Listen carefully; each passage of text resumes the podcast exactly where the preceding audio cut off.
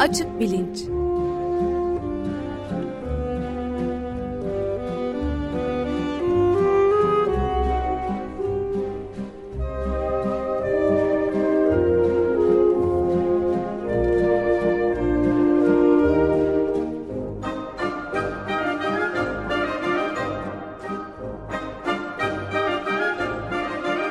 Güven Güzeldere ile bilim ve felsefe sohbetleri. Günaydın Güven Bey, merhabalar. Günaydın Ömer Bey. Günaydın. Günaydın Özdeş. Açık Bilinç'te felsefe sohbetlerine e, devam ediyoruz herhalde. E, siz e, tanıtımını yapar mısınız bugün? Konuğumuz Çetin Türk Yılmaz. Tabii e, epeydir bu felsefe serisine ara vermiştik ama geçen hafta yeniden başladık işte felsefe portreleri ve felsefe düşünce okulları gibi bir e, isimli bir seri. E, Platon'la başladık, Aristoteles'le devam ettik. Arkasından Stoacıları yaptık geçen hafta. Bu hafta da aynı kronolojik sırayla giderek e, Plotinus ve e, yeni Platonculuk e, düşünce okulundan bahsedeceğiz. Konuğumuz e, Doktor Çetin Türk Yılmaz. Hoş geldiniz Çetin Bey. Hoş bulduk. Merhabalar herkese. Hoş geldiniz. Merhaba, hoş geldiniz. Ben kısaca konuğumuzu tanıtayım ve e, hemen konuya girelim. E, Çetin Türk Yılmaz İstanbul Üniversitesi Felsefe Bölümü mezunu. Daha sonra yüksek lisans ve doktora eğitimini Hacettepe Üniversitesi'nde yapıyor ve e, bizim de e, geçmiş bir programda konuğumuz olmuş Profesör Ioanna Kuchuradi'nin e, öğrencisi olarak tezlerini tamamlıyor. Doktora sonrasında da Köln Üniversitesi'nde bir dönem misafir öğretim üyesi olarak çalışıyor. 2006 yılından bu yana Hacettepe Üniversitesi'nde felsefe bölümünde öğretim üyesi. Halen de orada. E, iki kitabı var. Filozoflarla Düşünmek ve Bunalım Çağı Kierkegaard, Marx ve Nietzsche. E, ikinci kitabının e, başlığı. Ulusal ve uluslararası makaleleri var pek çok alanda çalışıyor. Ee, Çetin Türk Yılmaz felsefe tarihi de bunlardan bir tanesi. Bugün bizim konuşacağımız Yeni Platonculuk e, Düşünce Okulu da e, bunların arasında yer alıyor. E, Çetin Bey şimdi yani biz kronolojik bir sırayla gitmeye çalışıyoruz ve aslında çok kalın fırça darbeleriyle ister istemez uzun 10 yıllar, 100 yıllar e, sürmüş olan e, felsefe tarihi dönemlerini işte böyle yarım saate sığdırmaya çalışıyoruz. Mecburen e, böyle oluyor. E, şimdi e, Platon ve Aristoteles'le başladık. Yani klasik işte e, eski Yunan döneminde milattan önce 500. 400. yıldan e, hareket ettik ve stoacılık e, hakkında konuştuk. E, o da e, milattan önceki bir döneme işte 3. yüzyıla yaklaşık denk geliyordu. Şimdi buradan kaseti biraz hızlı bir şekilde ileri sar, sarıyoruz. Neredeyse bir 500 yıl kadar filan ve e, kendimizi e, yeni Platonculuk düşünce okulunda buluyoruz. Arada hiç ilginç bir şey olmadı mı diye düşünenler olabilir. Tabii ki oldu, oluyor her zaman. Ama işte böyle e, felsefe tarihine damga vurmuş insanlar ve damga vurmuş düşünce okullarının arasında bazen e, yüzyıllar geçebiliyor. Ben şuradan başlayayım. E, yani e, işte mesela Stoacılıkla e, milattan sonra 200'lü yıllara gelene kadar birçok bir şey olmuş olabilir. Fakat e, Plotinus isimli felsefeci ve yeni Platonculuk düşünce okulu bir şekilde e, bugün hala bizim e, okuduğumuz, hakkında düşündüğümüz bir e, dönem oluşturmuş e, vaziyette. Bu niye böyle ve e, yeni Platonculuk diyoruz, bunun bir Platonculukla alakası olsa gerek. Bir de yeni kısmı var. E, yeni Platonculuk gerçek anlamda bir Platonculuk sayılır mı? Platon mesela e, işte e, öldükten 500 yıl sonra yeniden e, canlanmış olsa kendisi de bir yeni Platoncu olur muydu, olmaz mıydı? Yeni Platonculuk diye isimlendirmek ne kadar doğru? E, biraz böyle buralardan bize bir e, genel çerçeve çizer misiniz? E, tabii. E, şimdi e, çok genel e, olmak koşuluyla bazı şeyleri bu çerçevede sizin sorunuz bağlamında e, yanıtlayabilirim. Öncelikle Açık Radyo'ya size ve Ömer Bey'e çok teşekkür ediyorum programa e, davet ettiğiniz için. E, siz de belirttiniz aslında, e, şimdi yeni platonculuk, pilotinos vesaire dendiği zaman genel olarak şöyle bir şey, e, bir kronolojik e, açıdan e, e, geçmiş zamanları birbirine yakınlaştırma e, ya da o yakınlıkta anlama gibi bir e, hataya düşülüyor. Sanki yeni Platonculuk Platon'u hemen takip ediyormuş gibi e, düşünülüyor. Oysa ki e, Platon'un ölümün ölümüyle e, Plotinos'un doğumu arasında 550 yıl e, civarında bir zaman evet. aralığı var. Dolayısıyla yeni Platonculuk e, şeyden yani Aristoteles sonrası felsefede de en geç e, ortaya çıkmış e, son büyük sistem. Yani eski çağ felsefesinin son büyük sistemi. E, Aristoteles sonrası felsefeyi e, göz önünde bulundurursak epikurosçuluk var, stoacılık var, şüphecilik ya da skeptisizm var. En son e, yeni Platonculuk ortaya çıkıyor. E, ve yeni Platonculuğun en önemli ismi Plotinos ise e, doğumu 203 yani milattan sonra 203 yılı. E, Platon'un ölümünden dediğim gibi 550 yıl e, evet. sonra. E, şimdi e, yeni Platonculuk e, ile Platon'un düşünceleri arasında e, bir e, geçişlerle süreklilik ya da bir bağlantı noktası olsa da çok büyük farklılıklar da var. Bu da araya giren zaman aralığında geçen işte sizin de belirttiğiniz hani büyük bir şekilde belirleyici olmayan düşünce akımlarının bir sonucu. E, burada hemen iki düşünce e, akımını yani Platon e, çerçevesinde orta dönem Platoncularını özellikle Plutarkos'u vesaire e, sayabiliriz.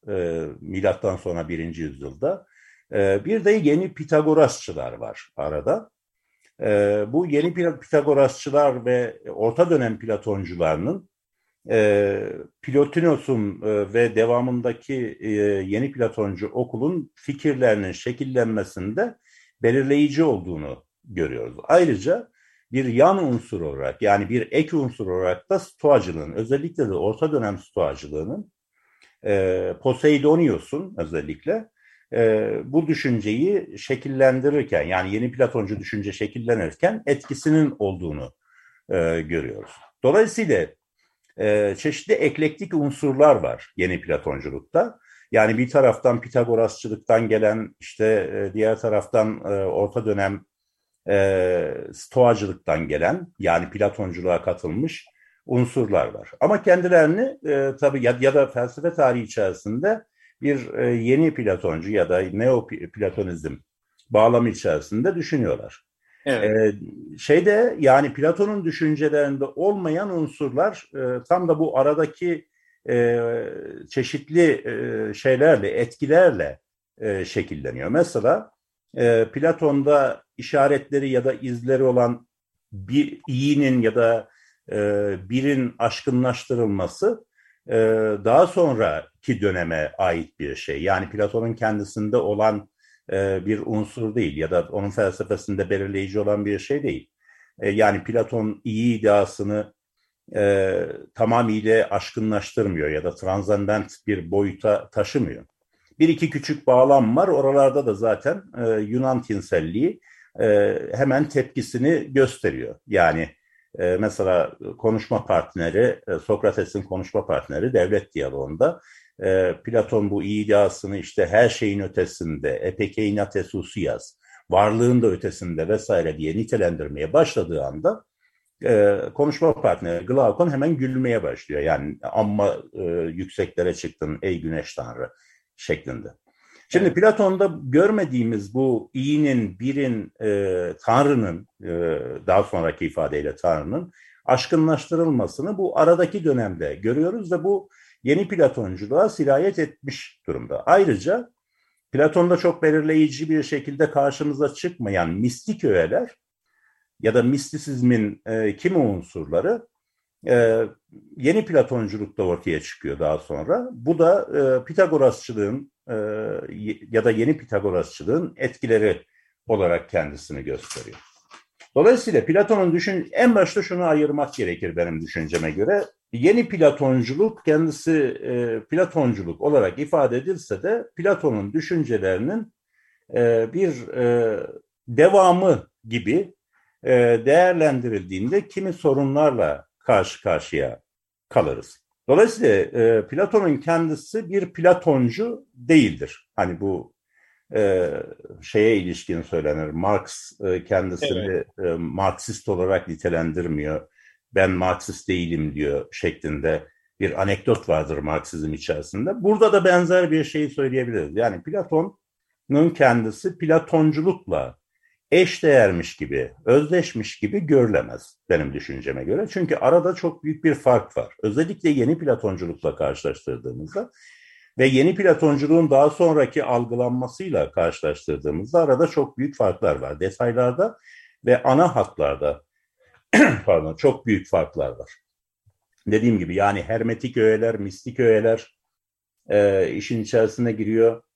E, ve e, monistik bir sistem, e, dinamik bir panteizm unsuru yeni Platonculukla kendisini gösteriyor ki Platon'da e, bunlar e, bunlar çok belirgin değil. Yani mitolojik düzlemde anlattığı bazı şeylerle ilişki kurulabilir ama e, Platon'un genel düşüncesinde e, bu tür öğelerle çok fazla ka- karşılaşmıyoruz. Öyleyse şunu söyleyerek devam edelim isterseniz. E, Platon e, Platon yeni Platoncu bir çerçeve içerisinde yorumlanıp anlaşılırsa eğer Platon'un metinlerine geri gittiğimizde e, büyük e, farklılıkları göreceğimiz için e, böylesi bir yorum bizi sıkıntıya düşürebilir e, diyorum. Evet. Peki şöyle sorayım. Çok genel çerçevede söyledim tabii ki. Tamam. Tabii çok teşekkürler. Platon'da, Aristoteles'te aslında felsefenin pek çok alanında faaliyet göstermiş düşünürler. Yani metafizik konusunda da yazmışlar, işte etik konusunda da yazmışlar filan. Ee, onların ardından gelen stoacılık düşünce okulunda mesela erdemli olmak, e, iyi hayat, e, mutluluk filan gibi konular daha öne çıkıyor. Hı hı. E, yeni Platonculuk okulunda ise sanki metafiziğe e, yeniden bir dönüş söz evet. konusu. E, tabii şeyde de bir farklılık var. Yani e, Platon ve Aristoteles'in yaşadığı yerler ve dönem e, de farklı. İşte e, e, eski Yunan e, medeniyetinin bir parçası olarak düşünürler ortaya çıkıyor. Halbuki Platonus artık e, Roma İmparatorluğu'nun bir parçası. E, Mısır'da doğmuş. Yani coğrafya olarak da farklı aslında. E, zamanın ruhu olarak da başka bir dönemde e, faaliyet gösteriyor. Evet. Şimdi peki bütün bunları düşündüğümüz zaman e, Plotinus'un yaşadığı dönemde yani milattan sonra işte 200'lü yıllarda e, insanlar felsefecilerden ne bekliyorlardı? Plotinus'tan ne bekleniyordu? O kime ne anlatmaya çalışıyordu? Belki böyle bir genel çerçeve e, ile de yaklaşsak e, doğru olur mu? Doğru olur hocam. E, çok haklısınız. Zamanın ruhu işte ya da zeitgeist tamamen değişmiş durumda.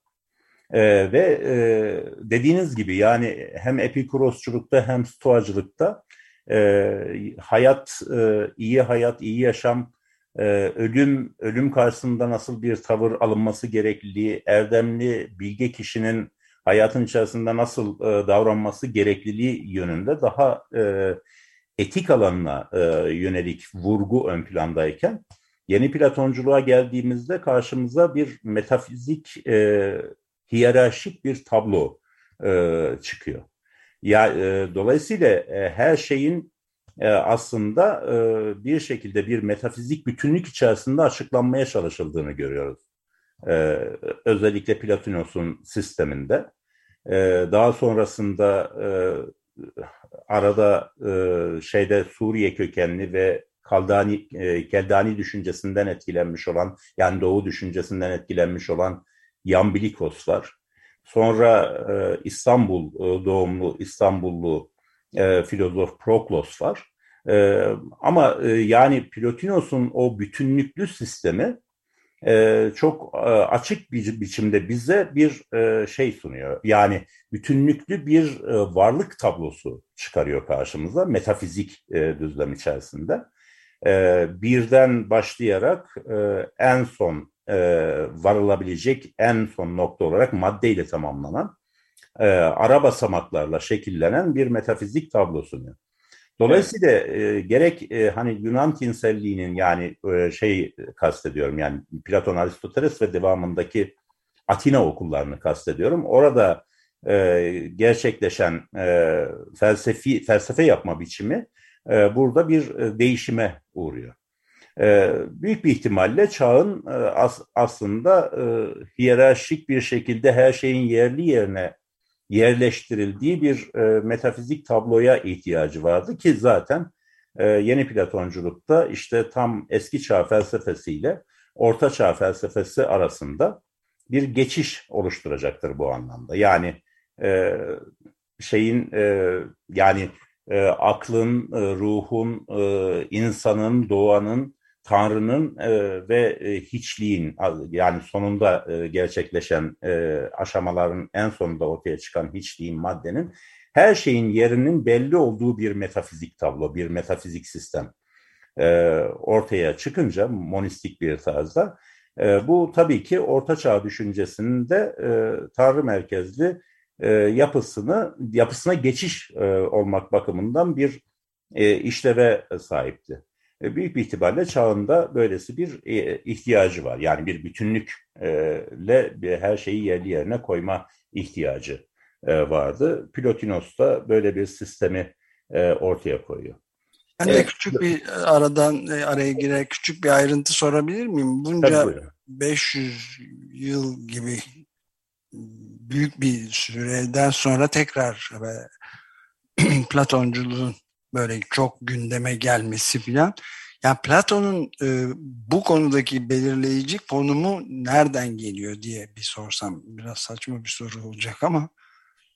E, e, Platon'un buradaki belirleyici konumu e, aslında e, tabii e, şeye e, şeyden kaynaklı. Yani o iyi ideasının ya da o idea düşüncesinin kendisinin getirdiği e, kimi e, elverişli noktalar e, ve e, iyi iddiasının aynı zamanda en yüksek iyi ile özdeşleştirilmesi. Yani daha sonra Orta Çağ'da buna summum bonum diyecekler Latince olarak. En yüksek iyi. E, dolayısıyla e, Platon'un düşüncesi e, en başta yani Tanrı düşüncesine Aristoteles'tekinden çok daha fazla izin veriyor. Dolayısıyla e, bir e, Tanrı Tanrı'nın e, bir birlik olarak merkeze yerleştiği bir tabloya Platonculuk daha uygunmuş gibi görünüyor. Ama başta söylediğim noktayı tekrarlayarak söyleyeyim.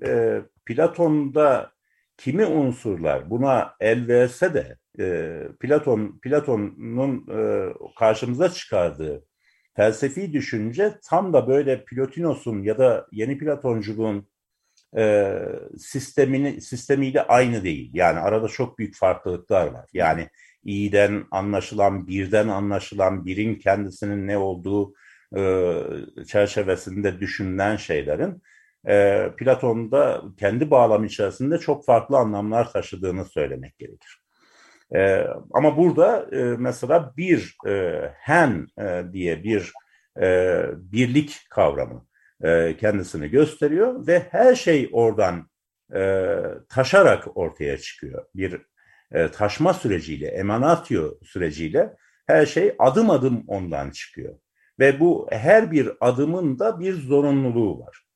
E, dolayısıyla da e, birin kendisinden çokluğun nasıl çıktığı, adım adım nasıl çıktığı e, şey yapılıyor, araştırılıyor, ortaya konuyor daha doğrusu metafizik bir tabloyla. E, daha sonra da e, isterseniz detay, detaylarına biraz daha girerim.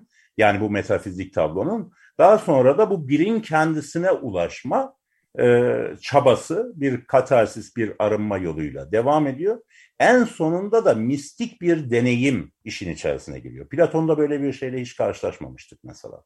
Ee, yani mistik bir e, ekstasis hali, bir kendinden geçme, veşt halini e, yeni Platonculuk getiriyor bizim karşımıza. Ama Platon'da böyle bir e, durumla e, karşılaşmıyoruz.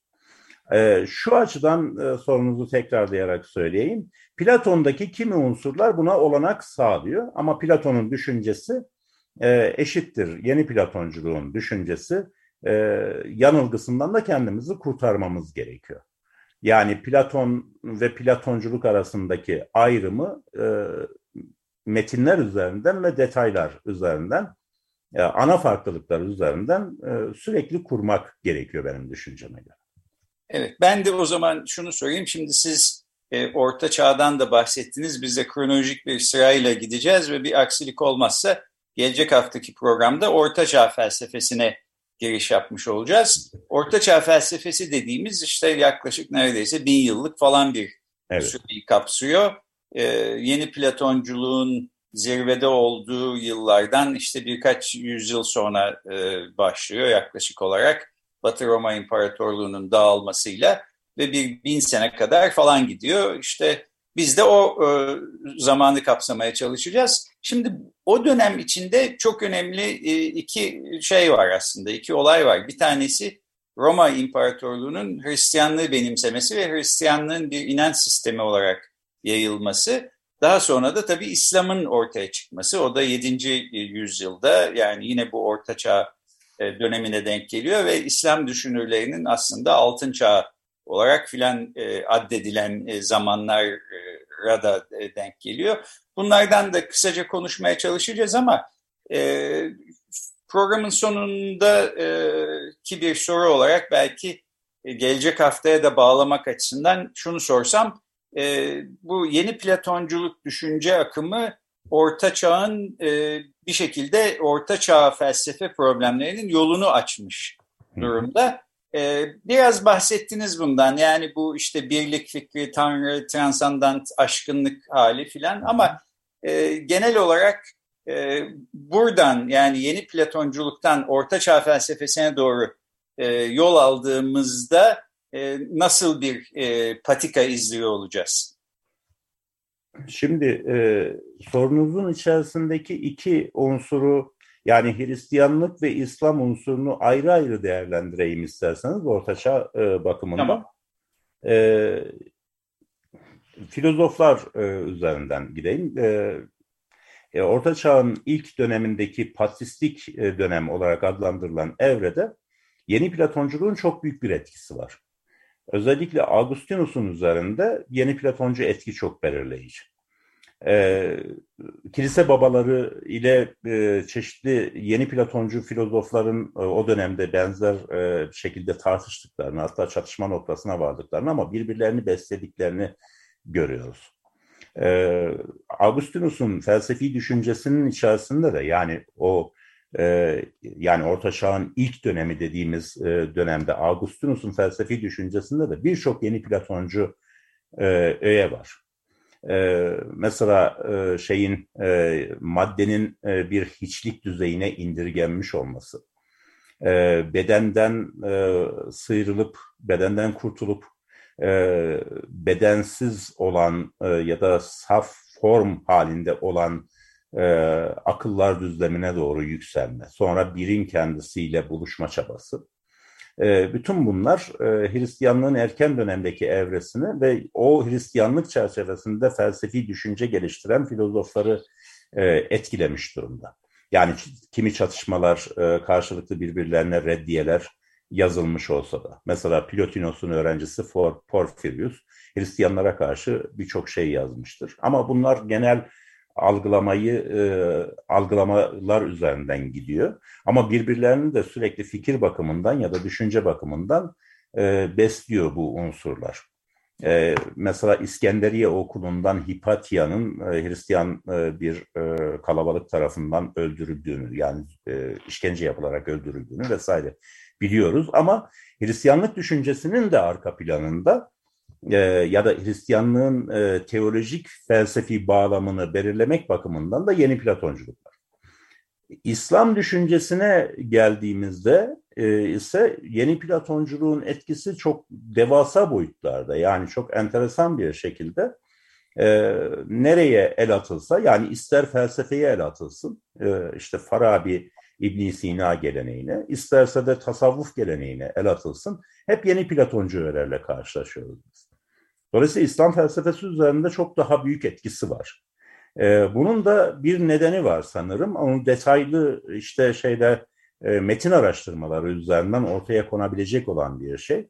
529 yılında e, İmparator Justinianus e, akademiyi kapatınca e, yeni Platoncu filozofların bir kısmı yani bu Proklos'un öğrencileri ve devamındaki isimler bunlar. Damaskios, Simplikios gibi sim, özellikle Simplikios'un e, çok belirleyici bir e, yönü var burada. E, Mezopotamya, Mezopotamya bölgesine sığındığını ve oralarda bu yeni Platoncu düşünceyi e, çok detaylı bir şekilde e, yaydığını biliyoruz. Dolayısıyla İslam düşüncesindeki o birlik vurgusunu, e, daha sonraki felsefi düşüncede sudur öğretisini, taşma, emanatio öğretisini e, yeni Platonculuğun belirlediğini görüyoruz. O, o da işte birden zorunlulukla taşan panteistik bir evren tablosunun sonucu olarak e, karşımıza çıkıyor. Dolayısıyla Hristiyanlık üzerinde de çok büyük etkisinin olduğunu söyleyebiliriz yeni Platoncu. Evet. Ya pardon, e, İslam üzerinde. İslam üzerinde. E, peki, zamanımızın sonuna geldiğimiz için bu ilginç tartışmayı burada sonlandırmak durumundayız. E, ama e, yani besbelli ki işte Platon'la Aristoteles'le Antik Yunan döneminde başladığımız bu e, izini sürmeye çalıştığımız felsefe e, faaliyeti işte Roma'dan e, yani bugünün Roma'sından bugünün Mısır'ına kadar uzanan çok daha geniş bir coğrafyada e, yeni Platonculukla başka bir hal alıyor ve e, Orta Çağ felsefesine de bir köprü oluşturuyor diye anlıyorum. Hem Orta Çağ felsefesinden hem de İslam düşüncesinden önümüzdeki programlarda bahsedeceğimizi umuyorum. Bunu söylemiş olayım. Bugün e, konuğumuz e, Hacettepe Üniversitesi Felsefe Bölümünden öğretim üyesi Çetin Türk Yılmaz'dı. E, bize Plotinus ve yeni Platonculuk düşünce akımını anlattı. Çok teşekkür ediyoruz. E, çok, çok teşekkürler efendim. Ben de çok teşekkür ederim. E, keşke biraz daha zamanımız olsa da detaylara girebilseydik ama e, programın formatı böyle zaten. Ee, çok genel olarak bir şeyleri söylemek durumunda e, kaldık ee, ve ama güzel yani çünkü bir e, pilot yeni platonculuk bir gerçekten de eski çağdan orta çağa geçişin tam ana merkezinde duran bir düşünce akımı. Bundan sonra da orta çağla devam edilecekmiş programda. Bunu bir hazırlık olarak düşünebiliriz diyorum. Ben çok teşekkür ediyorum hocam size. Evet ekibe de. Teşekkür ederiz. Biz teşekkür ederiz. Sizi ileride yine rahatsız ederiz mutlaka. Teşekkürler. Görüşmek üzere. Hoşçakalın diyoruz. Hoşçakalın.